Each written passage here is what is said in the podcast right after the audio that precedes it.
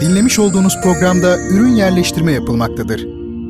Bertan Ronayla Duyuşlar Müzik, sanat, edebiyat, dil, kültür ve hayat üzerine duymak istediğiniz her şey bu programda.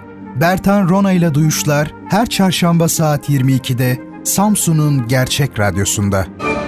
Bertan Ronayla Duyuşlar başlıyor. Sevgili dinleyicilerim, hepinizi hürmet ve muhabbetle selamlıyorum efendim. Ben Deniz Bertan Rona Duyuşlar programına hoş geldiniz. Bu programı sizler için hazırlıyorum ve her hafta çarşamba gecesi saat 22'de Radyo Gerçek yayınında sunmaya çalışıyorum. Bugün 1 Eylül 2021 çarşamba. Evet sonbahar ayları gelmiş oldu. Hazan ayı değil mi? Hüzün ayı e, Eylül öyle diyelim. Sonbahar genel manada böyle tabii. Kendine has bir burukluğu, bir havası var şüphesiz Eylül ayının. Benim de dünyaya geldiğim ay Eylül ayı. O bakımdan özel bir sempatim de yok değil hani. Tabii her mevsimin bir rengi var, kendine göre güzelliği var. Aslında mevsim dediğimiz şey belki de e, geçiş duygusu. Yani özellikle bahar öyle değil mi? Yani bahar dediğimiz bir şey yani bahar nedir aslında düşündüğümüzde kıştan yaza, yazdan kışa o geçiş duygusunun ismi ve belki de bu yüzden yolda olduğumuzu bize hatırlattığı için bu bahar aylarını seviyoruz. İster ilkbahar olsun, ister sonbahar olsun. Evet sevgili dinleyicilerim, öncelikle sosyal medya hesaplarımızı duyurmak isterim sizlere. Twitter'da Bertan Rona, Instagram'da yine Bertan Rona şeklinde hesaplarımız. Ayrıca Duyuşların eski bölümlerini Spotify'da, YouTube'da, Deezer'da ve tabii SoundCloud'da bulabileceğinizi de belirtmek isterim.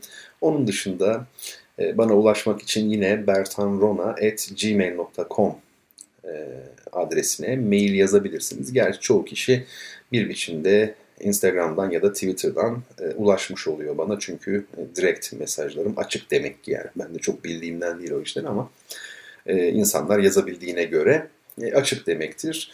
Ve böylelikle e, türlü vesilelerle iletişim halinde olabiliyoruz e, kendileriyle.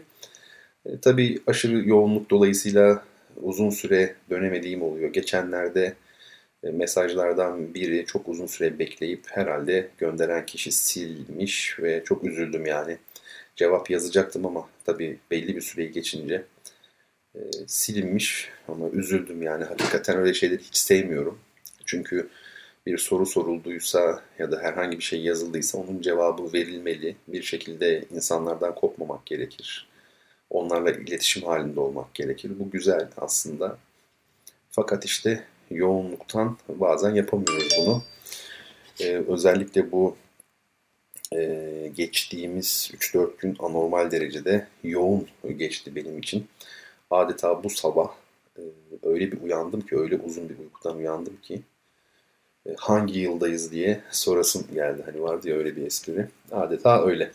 Peki efendim bu gece bize ayrılan zaman dilimi, e, pek de uzun olmayan zaman dilimi içerisinde Türk musikisinde yabancılaşma ve yozlaşma meseleleri üzerinde duralım istiyoruz.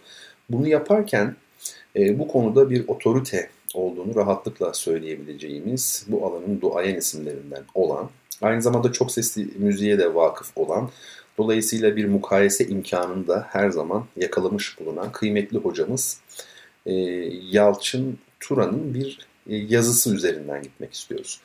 Yalçın Tura Türk musikisinin meseleleri adlı bir kitap neşretti.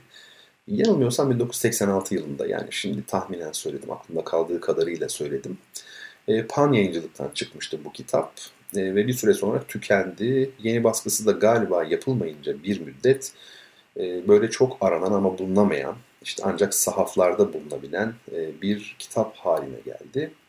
E, bu kitap e, belli yazılardan oluşuyor. 10-15 yazıdan oluşuyor. Kimi bildiri, kimi makale, kimi bir e, dergi için, gazete için yazılmış e, yazılar bazıları. E, son derece kıymetli tabii Yalçın Turan'ın e, birikiminden ve kimliğinden ötürü üzerinde durulması gereken yazılar bunlar. Ben de şimdi onun Türk musikisinde yabancılaşma ve yozlaşma meselesi hakkında birkaç söz başlıklı e, yazısı üzerinden gitmek istiyorum. Böylelikle hem e, konuyu anlamış olacağız. Türk musikisinde bu çağda bir yozlaşma, bir yabancılaşma var mı? Varsa neden?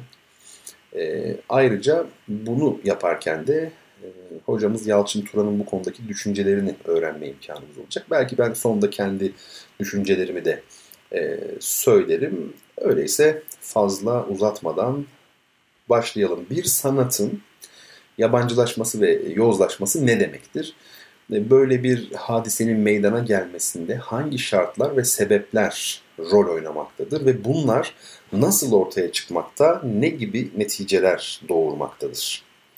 Bu suallerin cevabını vermek her zaman pek kolay değildir.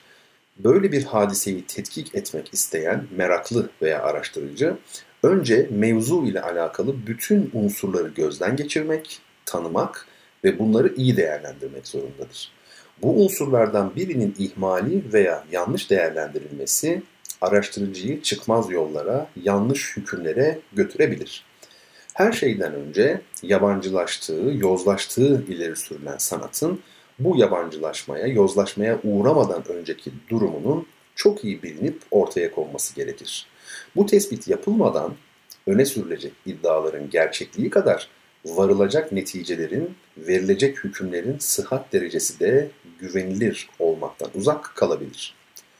Türk musikisinin bugün bir yabancılaşma ve yozlaşma tehlikesiyle karşı karşıya bulunmadığını tetkik ve tahkike girişmeden önce bu musikinin asli vasıflarını, hususiyetlerini, başka bir ifadeyle onun gerçek kişiliğini, kimliğini iyi tanımak ve bu kişiliğin, kimliğin, bu hüviyetin nasıl meydana geldiğini anlamak zorundayız. Kısaca Türk musikisi deyince ne anlıyoruz?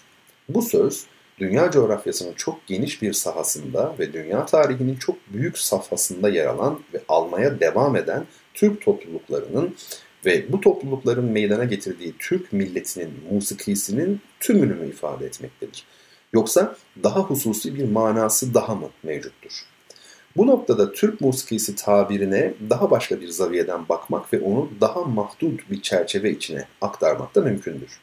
Bu şekilde mevzu belki de Türkiye Türklerinin, Türkiye coğrafyası ve bu coğrafyanın tabi uzantıları üzerinde yaşadıkları ve yaşamaya devam ettikleri müddet içinde meydana getirdikleri musikiye tahsis edilebilir. Hatta bu çerçeveyi daha da daraltmak ve Türk musikisi tabiriyle Anadolu Türklerinin Selçuklu ve bilhassa Osmanlı İmparatorluğu döneminde meydana getirdikleri musikiyi ve bu musikinin günümüze dek yaşamaya devam eden mahsullerini kastetmek de pekala mümkündür. Nitekim Türk musikisi dendiğinde çok kere akla ilk gelen tabirin bu manası olmaktadır. Her ne kadar bu mevzuda bir müddetten beri halk musikisi, sanat musikisi gibi bir ayrılık ortaya konmakta. Hatta bazı müfritlerce bu iki musikinin birbirinden tamamen farklı olduğu hararetle iddia edilmekteyse de umumi kanaat bu ayrılığın sanıldığı kadar derinlere inmediği ve bu iki kanadın esasla aynı gövdeye ait olduğu merkezindedir. Bu manasıyla Türk musikisi kökü tarihin derinliklerine uzanan bir sanatın 5-6 asırdan beri verdiği ve vermeye devam ettiği mahsullerden, meyvelerden meydana gelen eşsiz bir haz ve lezzet hazinesi olarak düşünülmektedir. Bu değerli hazine yüzlerce yıldan beri cemiyetimizin her kesiminde, hayatımızın her safhasında kendine mahsus yerini muhafaza ve vazifelerini ifa ede gelmiştir. Beşikten mezara dek bu musiki Türk insanının hayatını süslemiş, onun sevgisini, heyecanlarını, kahramanlığını, mertliğini, yesini, elemini, ızdırabını, dileklerini, ümidini, yakarışını, ibadetini, kısacası Türk insanının her şeyini, Türk hayatının her cephesini ifadeye, canlandırmaya ve temsile muktedir olabilmiştir. Türk hayatının ayrılmaz bir parçası olan Türk musikisini bu hayattan kopuk ve hayatın akışı dışında düşünmek mümkün değildir. Bu noktada bu reddedilmesi güç vakıa ile birlikte göz önünde tutulması ve değerlendirilmesi gereken bir başka vakıa ile de karşı karşıyayız. Hayatı gelişme ve değişmeden ayrı düşünemeyeceğimize göre o hayatın ayrılmaz bir parçası, belli bir biçimde tezahürü olan bir sanatı da o gelişmelerden ve değişmelerden ayrı düşünmemiz mümkün olabilecek midir? Bu suale cevap vermeye çalışmazdan önce Türk musikisinin tarihi içinde biraz gerilere doğru uzanmak ve bazı vakalara dikkat nazarlarımızı atfetmekte fayda mülahaza etmekteyiz. Asya'yı bir uçtan öbür uca kat eden Türk topluluklarının, Türk boylarının musikilerinde ortak olan mühim bir hususiyet araştırmacıların her zaman dikkatini çekmiştir. Bu hususiyet beş sesli dizilerin kullanılmasına dayanan ve adına pentatonizm denen hadisedir. Filvaki bu hadise yalnız Asya'daki Türk topluluklarına münhasır değildir ve dünyanın hemen her köşesindeki insan topluluklarının musikilerinde de pentatonizmle karşılaşmak mümkündür. Burada unutulmaması gereken husus şudur. Bir kısım Asya Türklerinin musikilerinde pentatonizm bugün bile yaşamaya devam eden bir hususiyettir.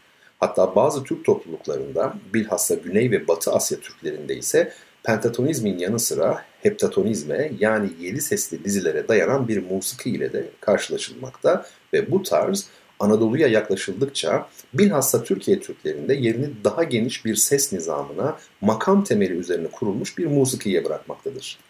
Bu değişiklikleri sadece coğrafya değişikliklerine bağlamamak, onun yanı sıra tarih, medeniyet ve kültür bakımından da belli bir gelişme çizgisi içinde meseleyi ele almak elbette daha doğru olacaktır. Fakat bilhassa dikkat edilmesi gereken husus şudur. Türk milleti tarihi gelişmesi içinde nispeten dar çerçeveli bir musikiden daha geniş ifade imkanlarına sahip değişik karakterde başka bir musikiye geçmiş, adeta bir musiki inkılabı yapmıştır.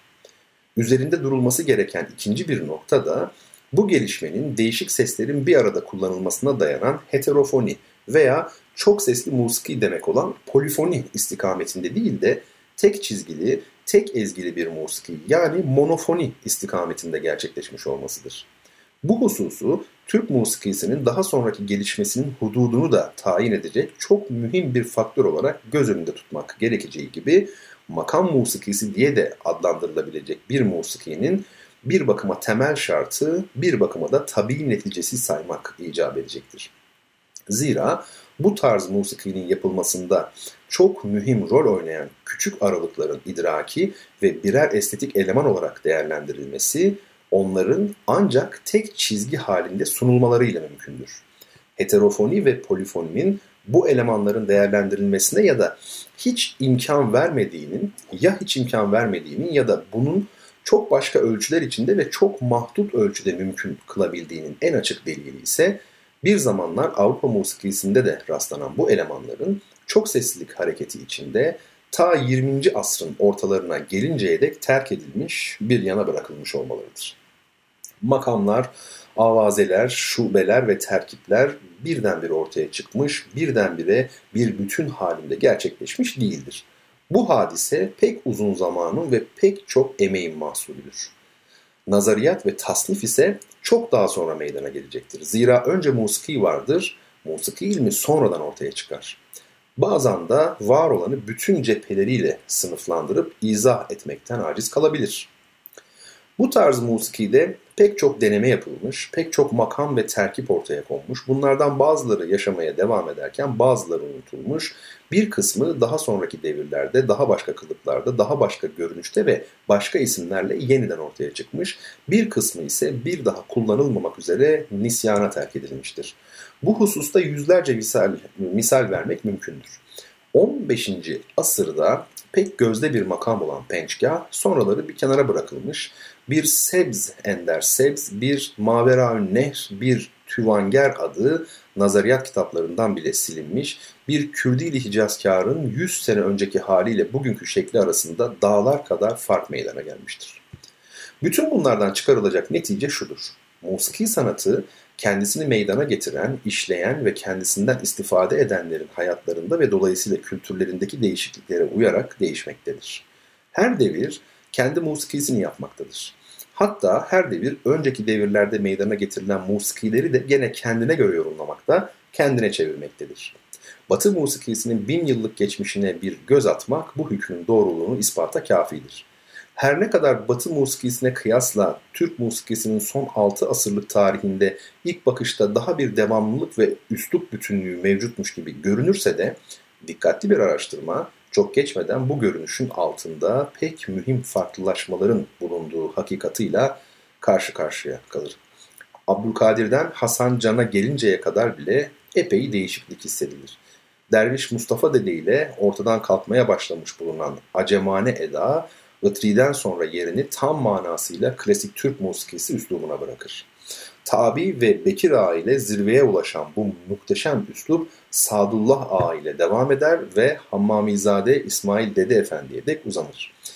Dede Efendi bir başka maceradır. Bir yandan klasik çizgiyi bütün asaletiyle muhafaza ederken öte yandan 3. Sultan Selim Han'la birlikte başka ufuklara kanat açmayı deneyen bu büyük sanatkarı Türk musikisini bugün varmış olduğu noktaya getiren mailin başlangıcıyla bir arada görenler az değildir. Erken gelmiş bir pop müzikçinin Tamburi Mustafa Çavuş'un İstanbullu zarafetiyle halk musikisini ustaca mezcederek ortaya koyduğu sentez yanında Hacı Arif Bey bütün hassasiyetine, bütün inceliğine rağmen ne yazık ki mahir bir kalfadan ileri gidemeyecektir. Bahsettiğimiz bu son derece gelişmiş, incelmiş, adeta mümkün olanın hudutlarını zorlayan eşsiz name çizgilerine alışmış kulaklar elbette o istikametten ayrılan ve daha başka duyguları dile getirip daha başka hassasiyetlere hitap eden, bazen daha sade, bazen daha yapmacıklı bu yeni nameleri yoz bulacak, Itri'nin, Bekir Ağa'nın, Tabi'nin, Mehmet Ağa'nın ezgileriyle yetişenler bir Hacı Arif Bey'e dudak bükecek, bir Şevki Bey'i meyhane musikisi bestelemekle suçlayacaklardır. Büyük bir estetikçinin dediği gibi sanatta bir tekamül haddi vardır. Bu hadde erişenlerin zevkleri incelmiş, olgunlaşmış, bu hadde erişemeyen zevkler ise gelişememiş, geri kalmıştır. Binaenaleyh iyi ve kötü zevkler vardır ve bunların münakaşası boş bir şey değildir. Bu noktada objektif gerçekle sübjektif gerçeğin çatışmasıyla karşı karşıya geliyoruz. Bir sanat eseri fevkalade vasıflara sahip üstün bir eser olabilir. Fakat o vasıfları fark edemeyip onların tadına varamayacak bir kimse için hiçbir şey ifade etmeyebilir. Ana dilinden başka hiçbir lisana aşina olmayan bir Çinli için Shakespeare'in en güzel sonesi ne ifade ediyorsa, Li Taipei'nin şiiri de Çince bilmeyen bir Shakespeare mütehassısına aynı derecede uzak kalacaktır. Meseleyi tersinden ele almak da mümkündür. Basit bir halk ezgisiyle kendinden geçen bir köy delikanlısı, ustaca yapılmış, üstün vasıflı bir sanat eserine nüfuz edebilecek anahtardan mahrumsa pekala dudak bükebilir. Bu noktada bir de sanat eserinin taşıdığı mana yüküyle bunu idrak edebilmesi meselesi karşımıza çıkmaktadır. Bu mesele sanat eserinin değerlendirilmesi hususunda son derece büyük ehemmiyeti haizdir. Basit bir misal ile meseleyi biraz açmaya çalışalım. Bir radyo istasyonu tarafından yabancı bir dilde neşredilen çok mühim bir haberi alabilmek için önce alıcımızı o neşriyatın yapıldığı dalga boyuna göre ayarlamak, sonra da o lisanı anlayan birini bulmak zorundayızdır. Hatta bir dinleyişte bu haberin tam manasıyla anlaşılamayacağını da göz önünde tutarak haberi banda kaydetmek ve dinleyiciye birkaç kere dinletmek gerekebilir. Bir sanat eseriyle onu idrak eden arasındaki münasebet bir bakıma yukarıdaki misalde anlatılan hadiseyi andırır. Sanat eserinin taşıdığı mana yükü ne kadar ağır, ne kadar kesif ise onun idraki anlaşılması da o derece zor, dolayısıyla beğenilmesi o derece güçtür. Böyle bir eser ancak ait olduğu kültürün bütün birikimine sahip kimseler tarafından ve ancak o birikimin verebileceği anahtarla, hatta bazen başka kültürlerin de yardımıyla anlaşılabilir, değerlendirilebilir. Aksi takdirde çözülemeyen bir şifre haline dönüşür.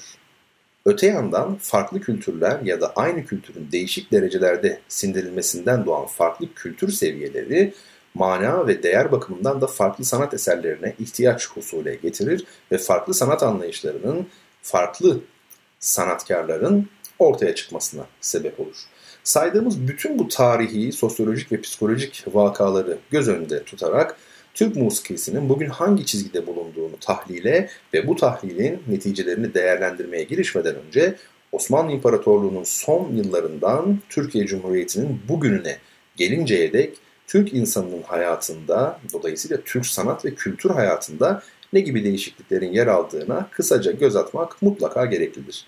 Bu göz atış batılılaşma diye adlandırılan hareketin Türklerin hayatında meydana getirdiği çalkantının Türk sanatına ve Türk kültürüne de hangi nispetle aksettiğinin ve nelere sebep olduğunun biraz daha iyi anlaşılmasına da bir ölçüde katkıda bulunabilir. Türklerin yaşayışında çok mühim bir yer tutan bazı müesseselerin daha Osmanlı İmparatorluğu'nun ıslahat döneminde başlayan ya tamamen ortadan kaldırılma ya da şekil ve mahiyet değiştirilme hareketi Cumhuriyet'te daha da hızlanarak devam etmiş. Mesela Mehtehane'nin kaldırılması Cumhuriyet döneminde bir ara Türk musikisinin Türk devleti tarafından yasak edilmesine kadar varmıştır. Türk musikisinin devlet eliyle öğretilmesinden vazgeçilmiş ve devlet kanalıyla, devlet zoruyla uzun süre sadece Batı musikisi öğretilmiştir. Devlet radyosunda Türk musikisi bir ara tamamen yasaklanmış, daha sonra da ancak ikinci hatta üçüncü planda neşrine izin verilmiştir. Buna karşılık Batı musikisi devletin bütün imkanlarıyla teşvik edilmiş, bu imkanlarla Türk kulağı kendisine yabancı bir musikiyle yıkanarak o yabancı musikiye tahammüle ve alışmaya zorlanmıştır. Bizzat devlet reisi yapılabilecek en mühim inkılabın musiki inkılabı olduğunu ifade buyurmuştur. Yapılmaya çalışılan bu inkılap, Türk musikisinde binlerce yıldan beri kullanılan sesleri bir tarafa bırakmak, buna karşılık batı tarzı çok sesliliği kabullenmek şeklinde hülasa edilebilir. Birdenbire ve tepeden inme girişilen bu hareketlerin tepki ve direnme ile karşılaşması ne kadar tabii ise uzun süre devlet eliyle ve devletin bütün imkanlarıyla desteklenmiş olarak devam ettirilmelerinin neticesinde belli bir miktarda tesir ve tahribat yapmış olmaları da gene o kadar tabiidir. Bilhassa Türk musikisinin uzun bir süre devletçe eğitim ve öğretimden mahrum bırakılmasının neticesi çok acı olmuştur. Bugün bu yanlıştan dönülmüş ve Türk musikisinin devletçe öğretimine başlanmış bulunması fevkalade sevindirici bir hadisedir. Fakat eğitimsiz geçen zaman içinde meydana gelen tahribatın giderilmesi ve ortaya çıkan meselelerin halledilmesi de o derece büyük ve çetin bir iş haline gelmiştir. Halledilmesi gereken bir başka mesele de radyo ve televizyondaki musiki neşriyatıdır. Kuruluşundan bugüne kadar geçen zaman içindeki faaliyeti ciddi şekilde tetkik edildiği takdirde hiç de müspet bulunamayacak olan TRT kurumu musiki mevzuunda da son derece yanlış ve zararlı faaliyetlerde bulunmuş ve bulunmaya devam etmektedir. Bu yanlışların başında folklorun ele alınış ve sunuluş biçimi gelmektedir. TRT kurumunun başka bir yanlışı da Türk sanatkarına, Türk yaratıcısına karşı tatbik ettiği yasaklayıcı, tehdit edici tavır ve zihniyettir. Buna karşılık bu kurum Batı musikisinin en pespaya mahsullerini hiçbir sınırlamaya tabi tutmadan yaymaya devam etmektedir. Üstelik TRT'nin bu ters yasakçılığı halkın TRT neşriyatıyla karşılayamadığı musiki ihtiyacını başka kanallardan karşılamaya çalışmasına sebep olmaktadır. Bu durumun neticesi ise ibret vericidir. Bütün bunların yanı sıra umumi olarak milli eğitim ve kültür politikalarımızın yanlış istikametlerdeki faaliyetlerinden doğan eğitim ve kültür seviyelerimizdeki düşüş, gerileyiş ve yozlaşmayı da göz önüne alırsak Türk musikisinde yabancılaşma ve yozlaşma meselesi hakkında daha gerçekçi ve daha tutarlı bir değerlendirme yapmamız mümkün olabilir. Türk musikisi ancak Türk eğitiminin ve Türk kültürünün her türlü imkan ve her türlü vasıta ile ve en yaygın biçimde geliştirilmesi, ilerletilmesi, desteklenmesi ve yüceltilmesiyle gelişebilir, ilerleyebilir ve yücelebilir.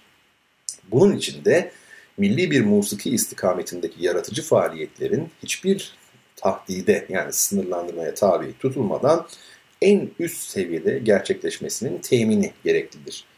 Yüksek vasıflı bir musiki, yüksek vasıflı yaratıcı ve icracı sanatkarların ve bu sanatkarları anlayıp benimseyebilecek yüksek vasıflı dinleyici kitlelerinin yetiştirilmesi, desteklenmesi ve çoğaltılmasıyla mümkün olabilir demiş değerli hocamız Yalçın Tura.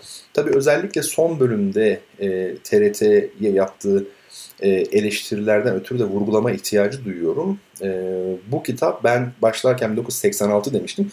Kasım 1988 birinci baskısı.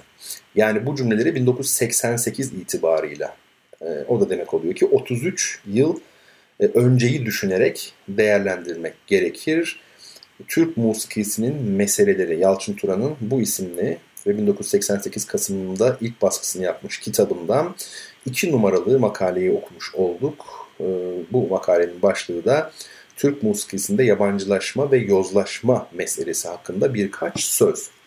Evet, e, hem Yalçın Tura hocamızın düşüncelerini öğrenmiş olduk, hem bu konuda e, bilgi edinmiş olduk.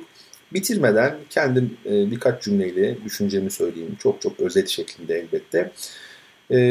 Hocanın da yazısında belirttiği gibi elbette ki müzik bir kültür ürünüdür.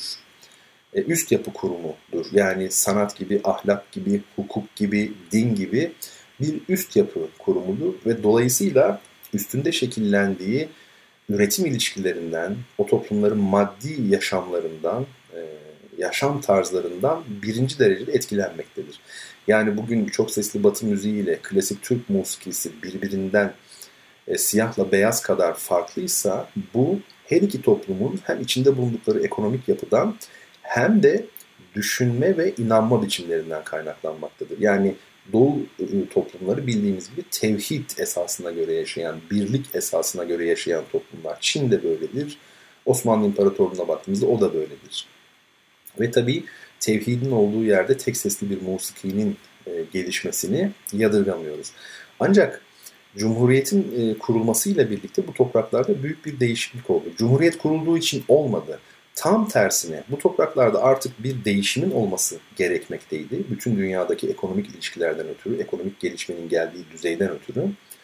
Ve e, bu değişiklik gerçekleşince ona uygun bir modele geçildi. Hem siyaset modeline hem elbette ki e, bir yönetim modeline geçildi. Nedir o? Büyük imparatorluklar baktığımız zaman mesela Osmanlı İmparatorluğu ümmet esası üzerine kurulu imparatorluklarken Fransız ihtilalinden sonra kapitalizmin artık ciddi manada Avrupa'da özellikle tesisinden sonra kapitalist ortak pazar ihtiyacından ötürü ulus devletler doğdu. Osmanlı da e, yaklaşık 300 yıl boyunca toprak kaybettikten sonra geriye kalan e, Türk milletini baz alan bir e, ulus devlet kurmak durumundaydı ve bu ulus devlet kuruldu. Elbette bununla beraber milliyetçilik geldi, sekülerite geldi yani laiklik geldi, efendime söyleyeyim şehirleşme artmaya başladı ve kapitalizm e, ciddi olarak gelişmeye başladı. Yani bunu Atatürk'te işte efendim İzmir İktisat Kongresi'nde ifade etti değil mi? Yani o meşhur işte her sokakta bir milyoner meydana getirmek e, aynı şekilde Adnan Menderes'in de bu konuda vurgusu var. E, dolayısıyla bu modele geçildi. Yani kapitalizmin çalıştığı e, efendime söyleyeyim şehir kültürünün gittikçe arttığı, artı değer birikiminin yükseldiği ulus devlet modeline ve laik anlayışa dayanan işte diyoruz ya laik sosyal bir hukuk devleti e, kurulmuş oldu. Şimdi bu başka bir dünya. Bu artık e, alışveriş merkezlerinin olduğu, insanların müşteri haline geldiği yepyeni bir dünya. Yani uzun anlatmak istemiyorum. Ancak bu dünyada e, eski dünyada var olan duyarlılıkların da kalması pek mümkün değil. Yani bir sarayda, bir kulübede olduğundan farklı düşünülür. Ben bunu her yerde Hegel diyorum ama Hegel değil galiba, Engels yanılmıyorsam. Fark etmez, bizim için söz önemli. Gerçekten de bir sarayda yetişmiş olan insan farklı düşünür. Bir kulübede yetişmiş, köyde yetişmiş olan insan farklı düşünür. Dolayısıyla bu toplumsal koşullar içerisinde bir ıtri zamanının ya da bir Sadullah zamanının, Tabi Mustafa'nın e, zamanının müziğini yapmak, o duyarlılıklara sahip olmak mümkün değil. O feodal dünyaydı, üretim ilişkileri ona göreydi, hayat yavaş akmaktaydı, her şey bambaşkaydı. İnsanların hayal güçleri ön plandaydı, görsel kültür yok denecek kadar azdı. Din hayatın her tarafına sirayet etmişti. Fakat bugün bunların hiçbirini göremiyoruz. O bakımdan ben biraz umutsuz olanlardanım bu konuda.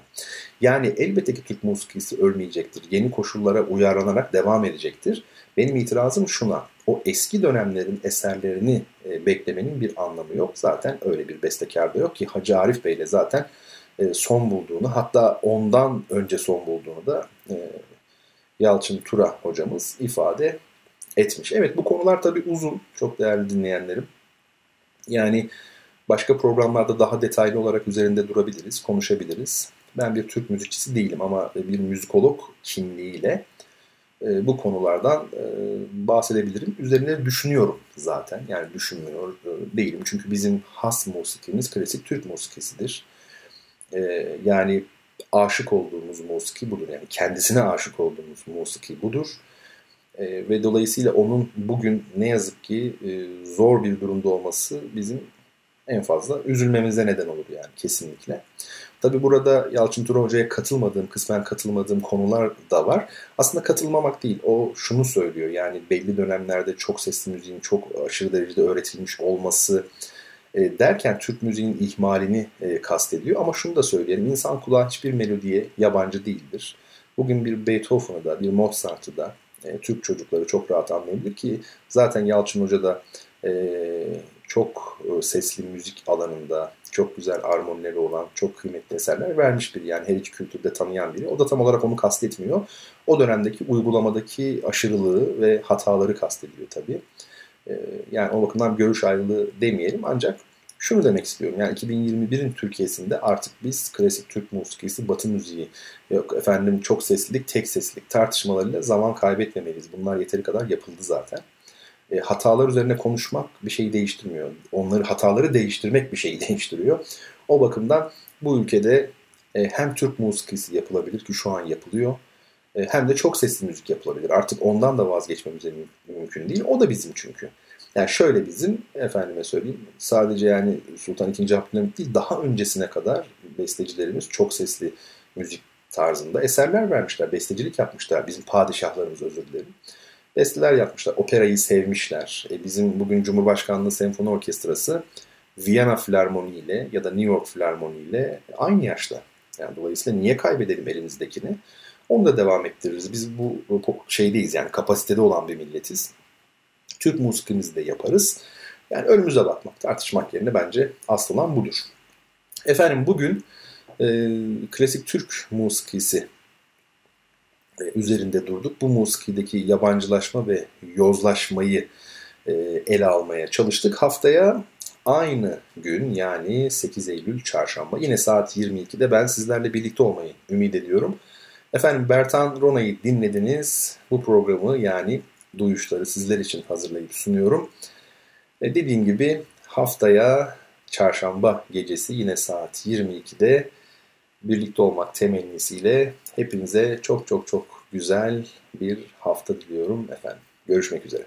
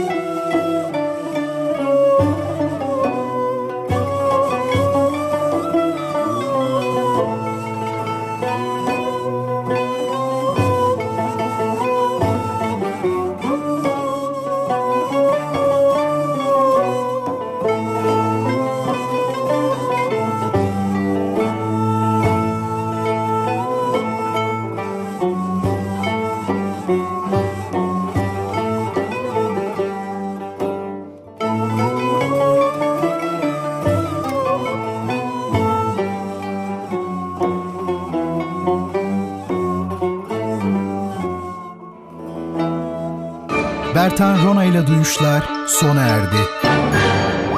Bu program hakkındaki düşüncelerinizi dinleyen et radyogercek.com adresine mail atarak bize ulaştırabilirsiniz. Dinlemiş olduğunuz programda ürün yerleştirme yapılmıştır.